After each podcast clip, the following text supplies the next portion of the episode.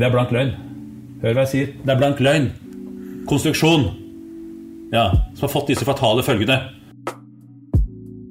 Vi ble latterliggjort, hånliggjort, mistenkeliggjort og tråkka på.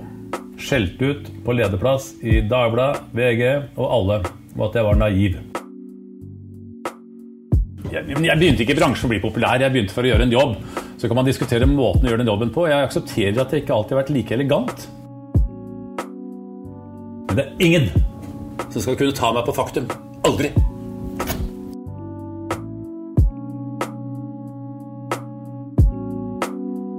Du hører på Thea Dokumentar. Vi som lager Thea Dokumentar, er Erik Edvardsen. Og Juni Vendelin Fasting. I denne podkastserien bidrar også ansvarlig redaktør Ove Meldingen som intervjuer. Dette er I evig kamp, episode én av tre.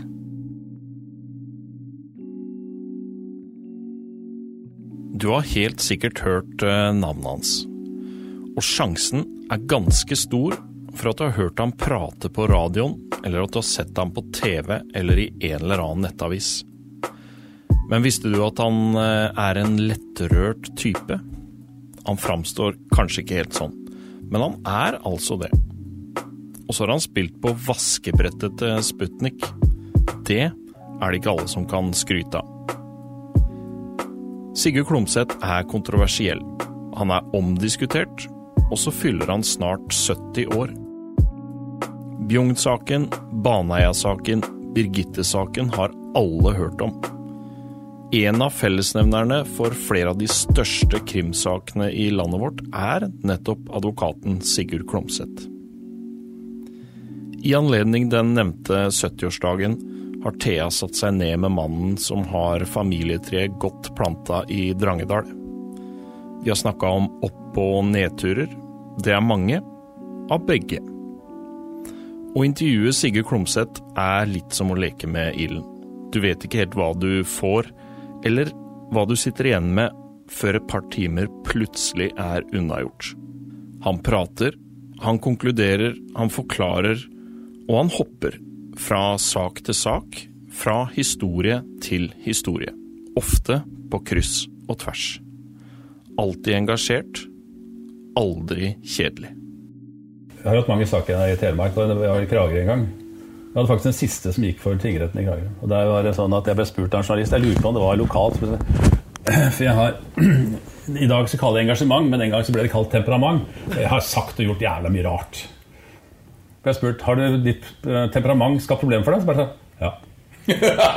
det er greit. Og så ferdig med det. Og så øh, Vil ikke si noe mer? Så lenge jeg har uh, fulgt med på noe som helst jeg har hørt om deg, i hvert fall i 30 år, fra du var en uh, ungdom under 40, og nå i april så fyller du 70. Hva er greien din? Hva er det som brenner i deg? Hva er det, er det ADHD, eller hva er det for noe, Sigurd Klomsæt? Jeg ser ikke bort fra at jeg hadde fått den diagnosen i dag, men eh, jeg kaller det engasjement. I perioder så var jeg nok mer preget av temperament. Eh, Jeg er eh, vokst opp eh, med engasjerte forfedre, altså besteforeldre eh, fra Drangedal. Engasjerte foreldre, og tidlig fattet interesse for eh, samfunnsliv. Så tanken var at jeg skulle eh, starte på eh, helt annet studie enn det det ble til. Jeg skulle begynne med statsvitenskap. Den planen var eh, lagt. Men så har en god venn av meg, som eh, Dag Nafstad, han eh, døde seg for tre år siden, han er lagmann i, i Tromsø. Han sa til meg at eh, vi, Sigurd, vi tar jusstudiet, vi ser på det som litt avansert voksenopplæring. Og så ble det det, da. Den gangen så var jusstudiet et åpent studium. Det var to studier som åpnet, var teologi, og det var ikke aktuelt. Og så var det jusstudiet, så ble det, da. Det var aldri meningen at jeg skulle bli noe annet enn en byråkratisk øh, ja, øh, Kanskje embetsmann etter hvert, men det ble slik når jeg begynte på studiet, så var tanken, iallfall for faren min og miljøet rundt han, for han var aktiv i handel og kontor, at jeg skulle bli advokat og jobbe i, i LO. Så det var kursen staket ut for meg.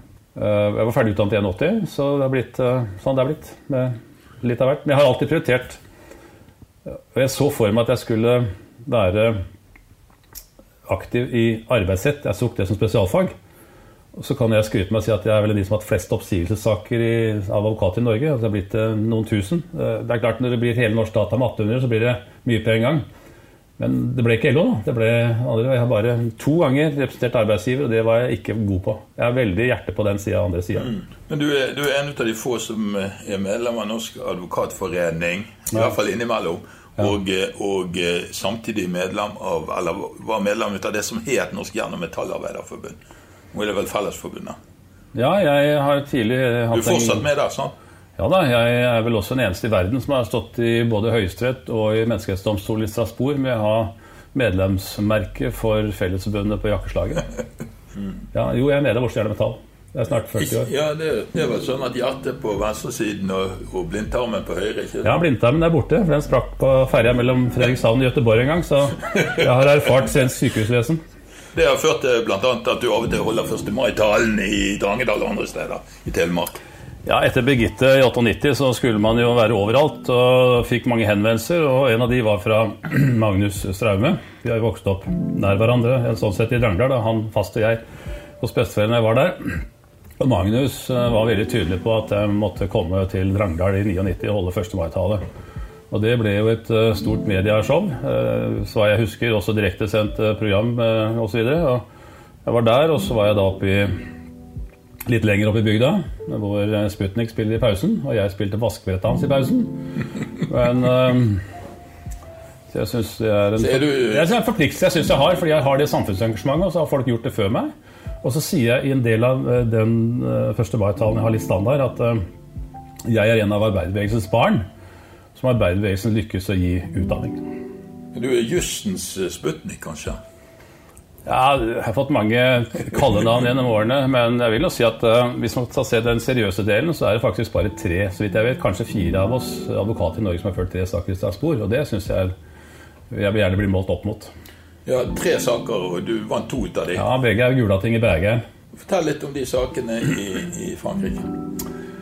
Ja, Den første var jo Birgitte-saken, som mange husker. Eh, der var det jo frifinnelse Det som mange kaller for fettersaken? Ja. Birgitte Tengs-saken. 6. mai 1995 ble 17 år gamle Birgitte Tengs funnet voldtatt og drept i Koppevik på Karmøy i Rogaland, bare noen hundre meter fra der hun bodde. To år seinere ble fetteren hennes pågrepet og siktet. Han tilsto drapet, men trakk tilståelsen noen måneder senere. I Karmøy herredsrett ble han likevel dømt til 14 års fengsel men etter å ha anket til Gulating lagmannsrett ble han i 1998 frikjent for drapet, med Klomsæt som hovedforsvarer. Samtidig ble herredsrettens dom om å betale 100 000 kroner i erstatning til Birgittes foreldre opprettholdt. Klomsæt gikk da til Den europeiske menneskerettighetsdomstolen i Strasbourg, som konkluderte med at Norge brøt uskyldspresumpsjonen ved de tvetydige dommene og fetteren ble tilkjent 20 000 euro i erstatning. Fetteren forsøkte gjentatte ganger å få opphevet erstatningskravet, uten hell. I 2018 ble saken gjenopptatt på nytt, og fetteren var ikke lenger mistenkt i den nye etterforskningen. Året etter klaget fetteren Norge inn for FNs høykommissær for menneskerettigheter for brudd på menneskerettighetene. I 2022 ble erstatningssummen opphevet i Agder lagmannsrett, og han ble endelig fullstendig frikjent for drapet på kusinen. I februar 2023 ble en 52 år gammel mann funnet skyldig i drapet og dømt til 17 års fengsel. Jeg kom inn etter tingretten. Da hadde han fått 14 år og 100 000 i erstatning å betale. Jeg ble engasjert, fikk telefon fra faren først gang før, rett før jul i, to, i 98.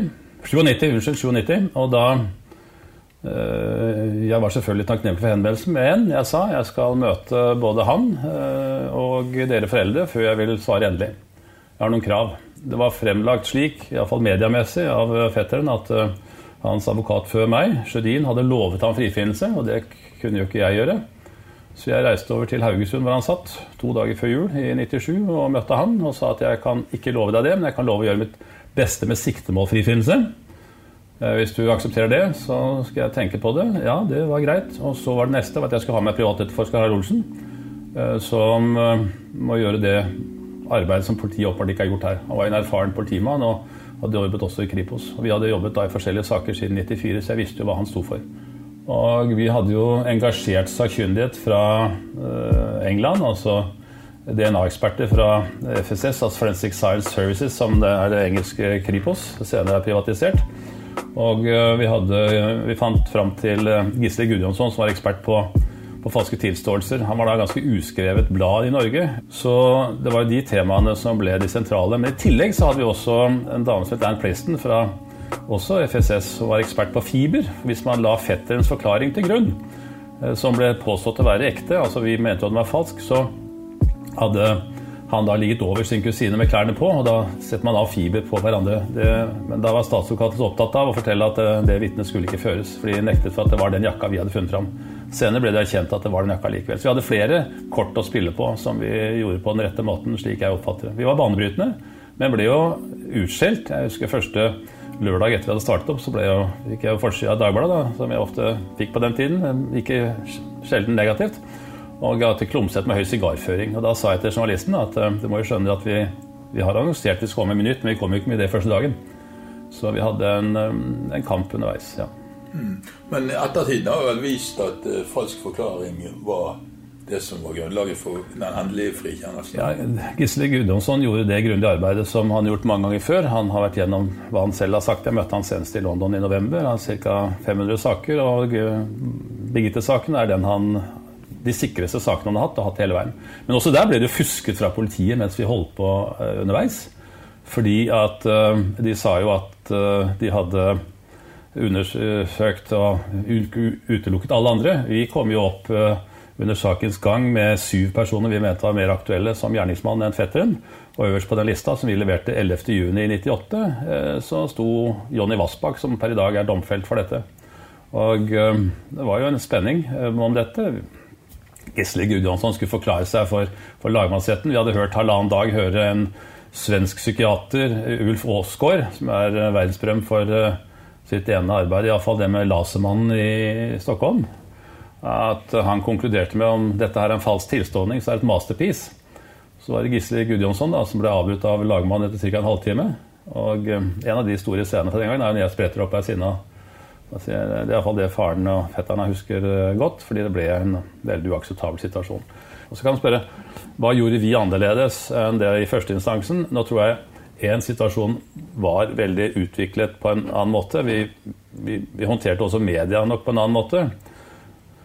Og så Vi hadde verdens ledende eksperter på DNA. Eh, det er samme ekspertise jeg har brukt senere i Baneheia-saken, hvis du vil høre litt om den etterpå. men vi ble latterliggjort, hånliggjort, mistenkeliggjort og tråkka på underveis. Ettertiden har vist at dere hadde rett, men si meg ingenting. Du... Så ble jo den avgjørelsen i lagmannsretten med frifinnelse, lagretten. Dagen etter så, så, sier bistandsadvokaten han skal presentere erstatning. Det kunne jo ikke noe, så jeg spurte, spurte etterpå ja, ok, greit. Vi, vi satt om natta, da Adam og jeg og våre to sekretærer vi hadde fått over fra Oslo, satt og skrev hele natta og fant ut hva vi skulle argumentere for dagen etter. Og når da bistandsadvokaten kom inn og overtok statsadvokatens plass og argumenterte for hvorfor det skulle være erstatning med lavere beviskrav og alt det som vi har hørt mye om, så noterte lagmann administrator, altså, lagmann Trovåg, noterte flittig. Og når jeg da skulle holde mitt innlegg, som var på motsatt side, så legger han eh, hodet i i hånda si og ser bare bort på meg eh, uten å notere et eneste ord. Eh, så kom jo avgjørelsen da, med at ble, erstatningen ble opprettholdt. Og så ble jeg spurt av mange hvordan forklarer du det. Nei, så det bare spør hver herre om, for dette er uh, beviskravregler som er konstruert ikke for, for en sikker juss, iallfall. Så da omtalte jeg lagmannen offentlig som aktor i dommerkappet. Det er det verste jeg kan si om en dommer, og det fastholder jeg senere. Men, men, så ble det fastholdt i Høyesterett at det var greit, den begrunnelsen som lagmannsretten i mm. Bergen hadde kommet til, mm. med en to-tre-avgjørelse. Og så var vi tok den til Strasbourg, og den ble da ført der sammen med en annen sak jeg også førte til samme tid. Eh, Ringvoll-saken, som også går på beviskrav, litt sånn teknisk, eh, i september 2002. Og så kom dommen da 3. var det vel? 3. mars, unnskyld, i året etter, 2003. Og da konkluderte man at det var krenkende, det også. Så jo da, den har gitt Og da, meg og, og da ble det erstatning til fetteren den gangen? Nei, da, han ble pålagt eh, Ja, det ble det. eh, Med saksomkostninger og dess like. Ja, ja. Det som er kanskje spesielt også, er at vi har lykkes gjennom hele min tid i iallfall for ham, å beholde navnet hans skjult. Man vil si at Far omtales bare som Jakob, ikke etternavn, og fetteren omtales konsekvent i alle dokumenter senere som Y. Du, du har jo vært sentral i mange saker. En av de tidligste jeg husker at du var veldig aktiv i eh, Bjugn-saken. Ja, det var vel ikke saken som sådan, men etterpå. Det som skjedde, var at jeg møtte Ulf Hammeren og hans kone når jeg var i Strasbourg i september da 2002. Eh, Vi hadde litt kommunikasjon før det. Eh, Fordi at eh, han kontaktet faktisk meg, ikke sin advokat, for spørsmål om hva jeg syns om det faktum at staten før uke eller 14 dager før vi skulle i Strasbourg, fikk han tilbud fra staten om å trekke saken der nede hvis han fikk 275 000 utbetalt. Så sa jeg at det må du bestemme selv, men han var veldig opptatt av at han hadde opplevd urett, og han ville ikke at andre skulle oppleve urett senere. Og Hammann var altså ho den som ble beskyldt for å være hovedmann i denne her Ja, han var den pedofilsaken. Og- Den barnehageansatte, ja. Bjugn-saken. I 1992 ble en mannlig barnehageassistent i Bjugn anklaget og senere tiltalt for seksuelle overgrep mot flere barn i en barnehage. Mistanken mot ham kom som følge av en bemerkning fra et barn i barnehagen, og ble etter avhør utvidet til å gjelde grove overgrep.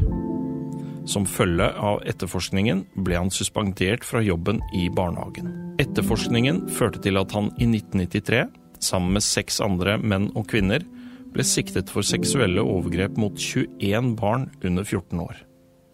Til sammen 29 påståtte overgripere ble etter hvert pekt ut av mer enn 40 barn. Frostating lagmannsrett frifant i 1994 barnehageassistenten på alle punkter. Etterforskningen ble sterkt kritisert av Riksadvokaten i en rapport samme år. Alle de mistenkte i saken ble tilkjent erstatning. Men for den tiltalte barnehageassistenten ble erstatningssummen satt lavere enn for de øvrige. Lagmannsrettens dom i erstatningssaken, som ble opprettholdt av Høyesteretts kjæremålsutvalg, inneholdt formuleringer som kunne så tvil om hans uskyld.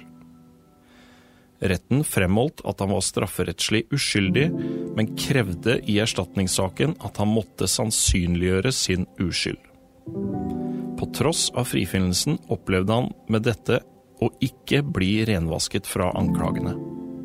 Han anket derfor saken inn for Den europeiske menneskerettighetsdomstolen i Strasbourg, som i 2003 enstemmig avgjorde saken til fordel for barnehageassistenten. En uavhengig rapport fra 2006 slo fast at barna ikke var misbrukt. Enkelte av barna har i ettertid trukket sine forklaringer.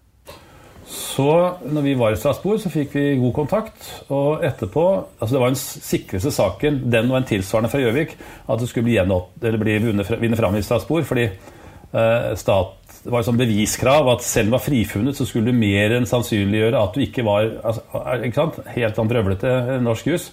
Eh, så lovgiver, altså Stortinget, hadde forandret loven. Og den var ikke med ikrafttredelseslov. Men Høyesterett praktiserte vedtatt, men ikke i kraftlov allikevel. Så vi visste at det var en sikker greie. Uh, De praktiserte altså en lov som ennå ikke Ja. var eh, gyldig, da. så var det sånn at uh, Hans advokat gjorde de tabbene man kunne. Han uh, anla feil søksmål. Det ble avvist i tingrett, lagmannsrett og Høyesterett. Og Så kom han til meg ved juletider da i 2005 og så sier jeg til Ulf Hammer, det skal vi få til. Så uh, leste jeg meg opp på den boka som uh, Hans Kringstad har skrevet, og jeg leste meg opp på Jan Guillou. Han har skrevet en av kapitlene i boken uh, uh, om heksenes forsvarer. Har han om det. Uh, og så ble jeg veldig engasjert i det. Var oppe i Trondheim, hentet dokumentene, begynte å lese fra og tilbake. Så med hjelp av Hans Kringstad altså jeg fremhever han stadig fordi han var viktig for meg. En journalist var da i VG. Så fikk han tak i verdens ledende barneleger, altså Astrid Heger med norsk avstamning fra Søgne i Los Angeles, og Astrid og Joyce Adams i San Diego. For at det forespørsel om de var interessert, og Bjugn-saken var da, og er fortsatt, kjent worldwide, så det var yes, yes.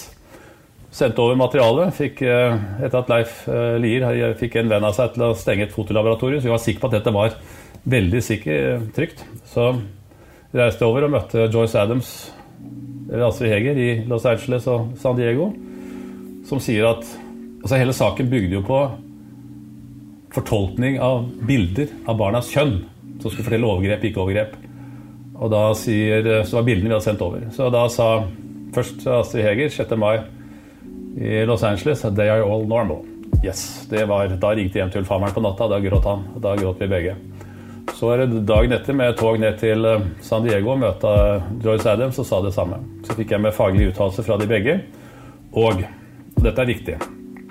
Allerede i 92 hadde Astrid Heger skrevet lærebok med bilder av kjønn og redegjørelse for at barns kjønn er like individuelle som du er i ansiktet. Det var altså kjent, akseptert vitenskap i USA fra 92. Jung-saken kom på i 93 og 94. Ikke en kjeft har gjort noe av det den gangen eller senere som jeg gjorde for Ulf Hammeren i 2005 og 2006. Så Men du sier jeg må bare stoppe deg litt der. Du sier ja. da gråter vi begge. Ja. Så du er en som kan gråte også, det er ikke bare ja, ja, jo, jo. agg i deg? Nei, nei, nei. nei. Jeg er lettrørt, jeg. Ja. Men uh, situasjonen var jo også den at, uh, at uh, det var jo et stort øyeblikk. Mm. Men så det går, sakene går såpass inn på deg på følelsesnivå? Også. Ja, den som så meg, var på Nettavisen da Riksadvokaten leste opp hva han mente om uh, Baneheia-saken. Så det på direkten, ja. Men Hamman Men hvis vi fullfører, ja. så var det sånn at uh, etter det så Vi kommer aldri til å fullføre. Men, Nei, men hvis vi tar Ulf Hammer, for det er en viktig del av det hele, det var at etterpå så anla vi søksmål, eller krevde staten skulle ta det ansvaret, men staten er jo blant de første til å påberope foreldelse. Eh, så det ble avvist, avvist, avvist. Og vi var siste gangen i lagmannsretten i, i, eh, i Trondheim 8.07.2008. Og da var det en advokat, regjeringsadvokat som tok det ansvaret og beklaget og beklaget, og da gråt også Ulf Hammeren igjen. Mm. Det er eneste, absolutt eneste person noen gang fra det offentlige som har beklaget hele Bjugn-saken. Så var det at uh, vi nådde ikke fram med staten, og så var det sånn at vi fant fram til et brev som staten ved da regjeringsadvokat uh, ja, jeg husker ikke navnet, hadde sendt inn sammen med tilsvaret på den stevningen som uh, advokat Vik hadde innlevert. Og Der står det at vi må innlevere tilsvar for å unngå fristoversittelse og ansvar, men vi vil forlike saken. Det brevet hadde advokaten underslått. Ok, Så gikk vi til sak mot advokaten og ansvarsselskapet og var der i Oslo tingrett i november 2009 med dommer Arntzen, senere mer kjent for 22.07, og så rett til Høyesterett. Og etter full bevisføring så kasta jeg en håndkle, og så fikk vi 625 000 erstatning. Det er jo vesentlig mer enn jeg har fått på 90-tallet. Uh, så ja, da, jeg har fortsatt god kontakt med Ulf Hammeren. Ble noen dømt etter Bjørn i det hele tatt? Nei, staten er jo ikke interessert i og den type saker skal løses. Vi vet hva som skjedde.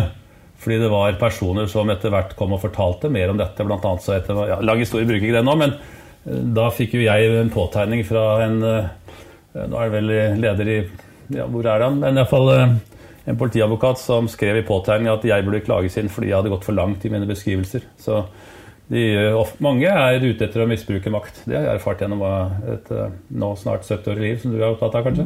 Men hvordan er det? For jeg sitter jo eh, her og hører og tenker Hvordan husker du alle årstall, alle saker? Ja, det er altså, ADHD igjen.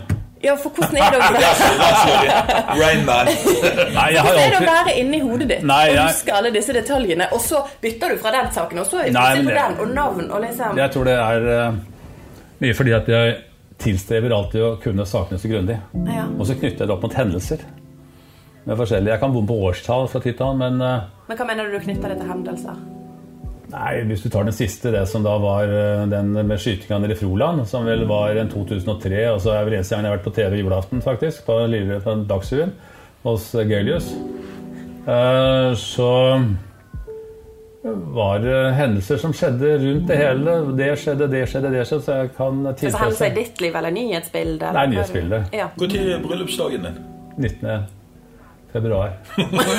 Måtte tenke litt. Nei. nei, nei. Jeg tenkte jeg skulle understreke det. Ja, det var det sånn. Nei, ja. nei, men åssen er det liksom å, altså, Går det i surr for deg sjøl når du hele tiden begynner på nye historier, eller er det liksom helt klart jeg syns det er fascinerende å høre på. da Nei, Jeg har problemer med å sette punktum. Det er det du tenker på? Ja, det har du jo absolutt. Ja, nei, altså, jeg ble i mars, 18. mars 2018 så hadde jeg vært i en større sak i Oslo tingrett. Det som senere ble stor mediasak på Holmlia. For det miljøet der. Jeg hadde en kvinne der som ble dømt i tingretten til fem og et halvt års fengsel. Så skal du spørre hvilken lagmannsretten. Jeg ble frifunnet. Jeg tar det etterpå. Så da hadde jeg vært og forkynt den på oppdrag for Oslo tingrett. Så skulle jeg kjøre en tolk til en T-bane som var litt annen vei enn den jeg kjørte hjem. Men da kom jeg på en vei i nærheten av Linne hotell. Jeg hadde på den tiden, og fram til ganske nylig, eh, da jeg snabba ned på bil, da hadde jeg Land Cruiser. Uh, den er svær. Og så så jeg at det var dårlig brøyta, som det var på den tiden, så jeg stilte meg opp, og så kommer en Golf imot, og så kjører han på meg. Uh, jeg så ikke det, men så sier han at jeg ville ikke ødelegge felgen. Jeg skjønte ikke hva han sa. Og så, så, så, så jeg at føreren var rusa. Tungt rusa. Nå vet jeg hvem det er. Jeg er glad jeg ikke gjorde noe mer med det. Fordi, jeg, skal ikke si mer. Men det det satt en svær, kraftig kar ved siden av. Så ville jeg ikke gå ut av bilen. Så sa jeg greit, hvis jeg har kjørt på deg, det er litt pussig, jeg sitter her, men jeg var jo aleine. Så her er kortet mitt, du får bare melde meg for det. Nå kjører jeg. Så kjørte jeg, så fulgte han etter meg til ett sted, litt opp lenger i veien. For jeg tenkte å stoppe et sted hvor det er mennesker til stede. Så ser jeg da at han har med sitt speil ripet opp på venstre side. Så ok, men jeg tenkte jeg lar ikke meg ut av det. Så kjører jeg litt til, og så ga han seg ikke fullt etter. Og tenkte at dette var jo en onsdag ettermiddag. og Onsdag ettermiddag det var sånn mormor og morfar-dag, så jeg skulle hjem til Ja ja, vi hadde faste dager med mormor og morfar. Og så Jeg kan ikke ha disse folka her ble med inn på tunet. Så stopper jeg på et nytt sted, og da går jeg ut av bilen, og før jeg skjønner noe, så er jeg bare slått ned. Jeg kan bekrefte at han hadde en kraftig venstrehook. Jeg går ned i søla og blir der, og så hører jeg noe skrik og hyl fram og tilbake. Og når jeg våkner, så ser jeg at den bilen er i ferd med å kjøre, så jeg skrek til disse menneskene at ta bilnummeret. Så jeg kjørte sjøl til legevakta på Aker, som da ikke var åpna. Ble nekta å komme inn. Så kommer en sykepleier som tydeligvis kjente hvem jeg var, og hvorfor jeg var der, så var bare helt borte. Så ble jeg undersøkt. Politiet kommer. Det kan jeg love de tok det på alvor. Og så senere blir jeg kjørt på legevakta av datter som kommer. For det var ikke forsvarlig. Det var da jeg ble intervjuet, for noen hadde tipsa Dag i legevakta. Så han Sontak i NRK han ringte meg, og så da sa jeg noe sånt som at det var jævlig ubehagelig, men det var veldig lærerikt. Og så, men poenget nå det er at det tok meg halvannet til to år å komme tilbake der jeg var. Okay. Det å bli slått ned Jeg skjønner ikke folk som går frivillig i bokseringen. Men det å bli skadet i hodet var jævlig ubehagelig. Så hadde jeg heldigvis gode forsikringer. da. Um, så det gikk greit, men det var veldig ubehagelig. Men det som er greia, er at den bilen den ble eid av en person i Trondheim. Den ble disponert av en i HA. De fant bilen ved HA nede på Alna, Alnabru, hvor nøkkelen var innlevert. Og politiet påstår selv at de aldri har greid å finne ut hvem det var. Det tror jeg ikke døyt på. Men jeg vet hvem det er, fordi det har kommet folk til meg og fortalt hvem det er. Men når jeg vet hvem det er, så lar jeg det ligge. Jeg kan si det etterpå utenfor opptak, men det vil dere skjønne. Um, så nei, jeg, jeg slet med det. Så har jeg en nabo som hadde falt Han er litt mer sporty. Han syklet Trondheim-Oslo. Han hadde da falt av sykkelen, og så han sa dette kommer til å ta deg lang tid. Jeg var ikke der at jeg trodde det.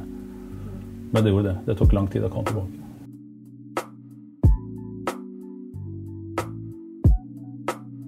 Du har hørt Thea-dokumentar I evig kamp, episode 1A3. Vi som lager Thea-dokumentar, er Erik Edvardsen. Og Juni Vendelin Fasting. Musikken er laget av Simon Tekeste. Ansvarlig redaktør er Ove Meldingen.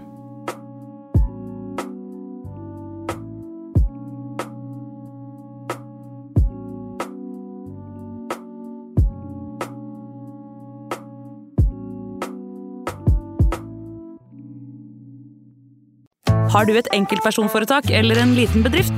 Da er du sikkert lei av å høre meg snakke om hvor enkelt det er med kvitteringer og bilag i fiken, så vi gir oss her, vi. Fordi vi liker enkelt. Fiken superenkelt regnskap.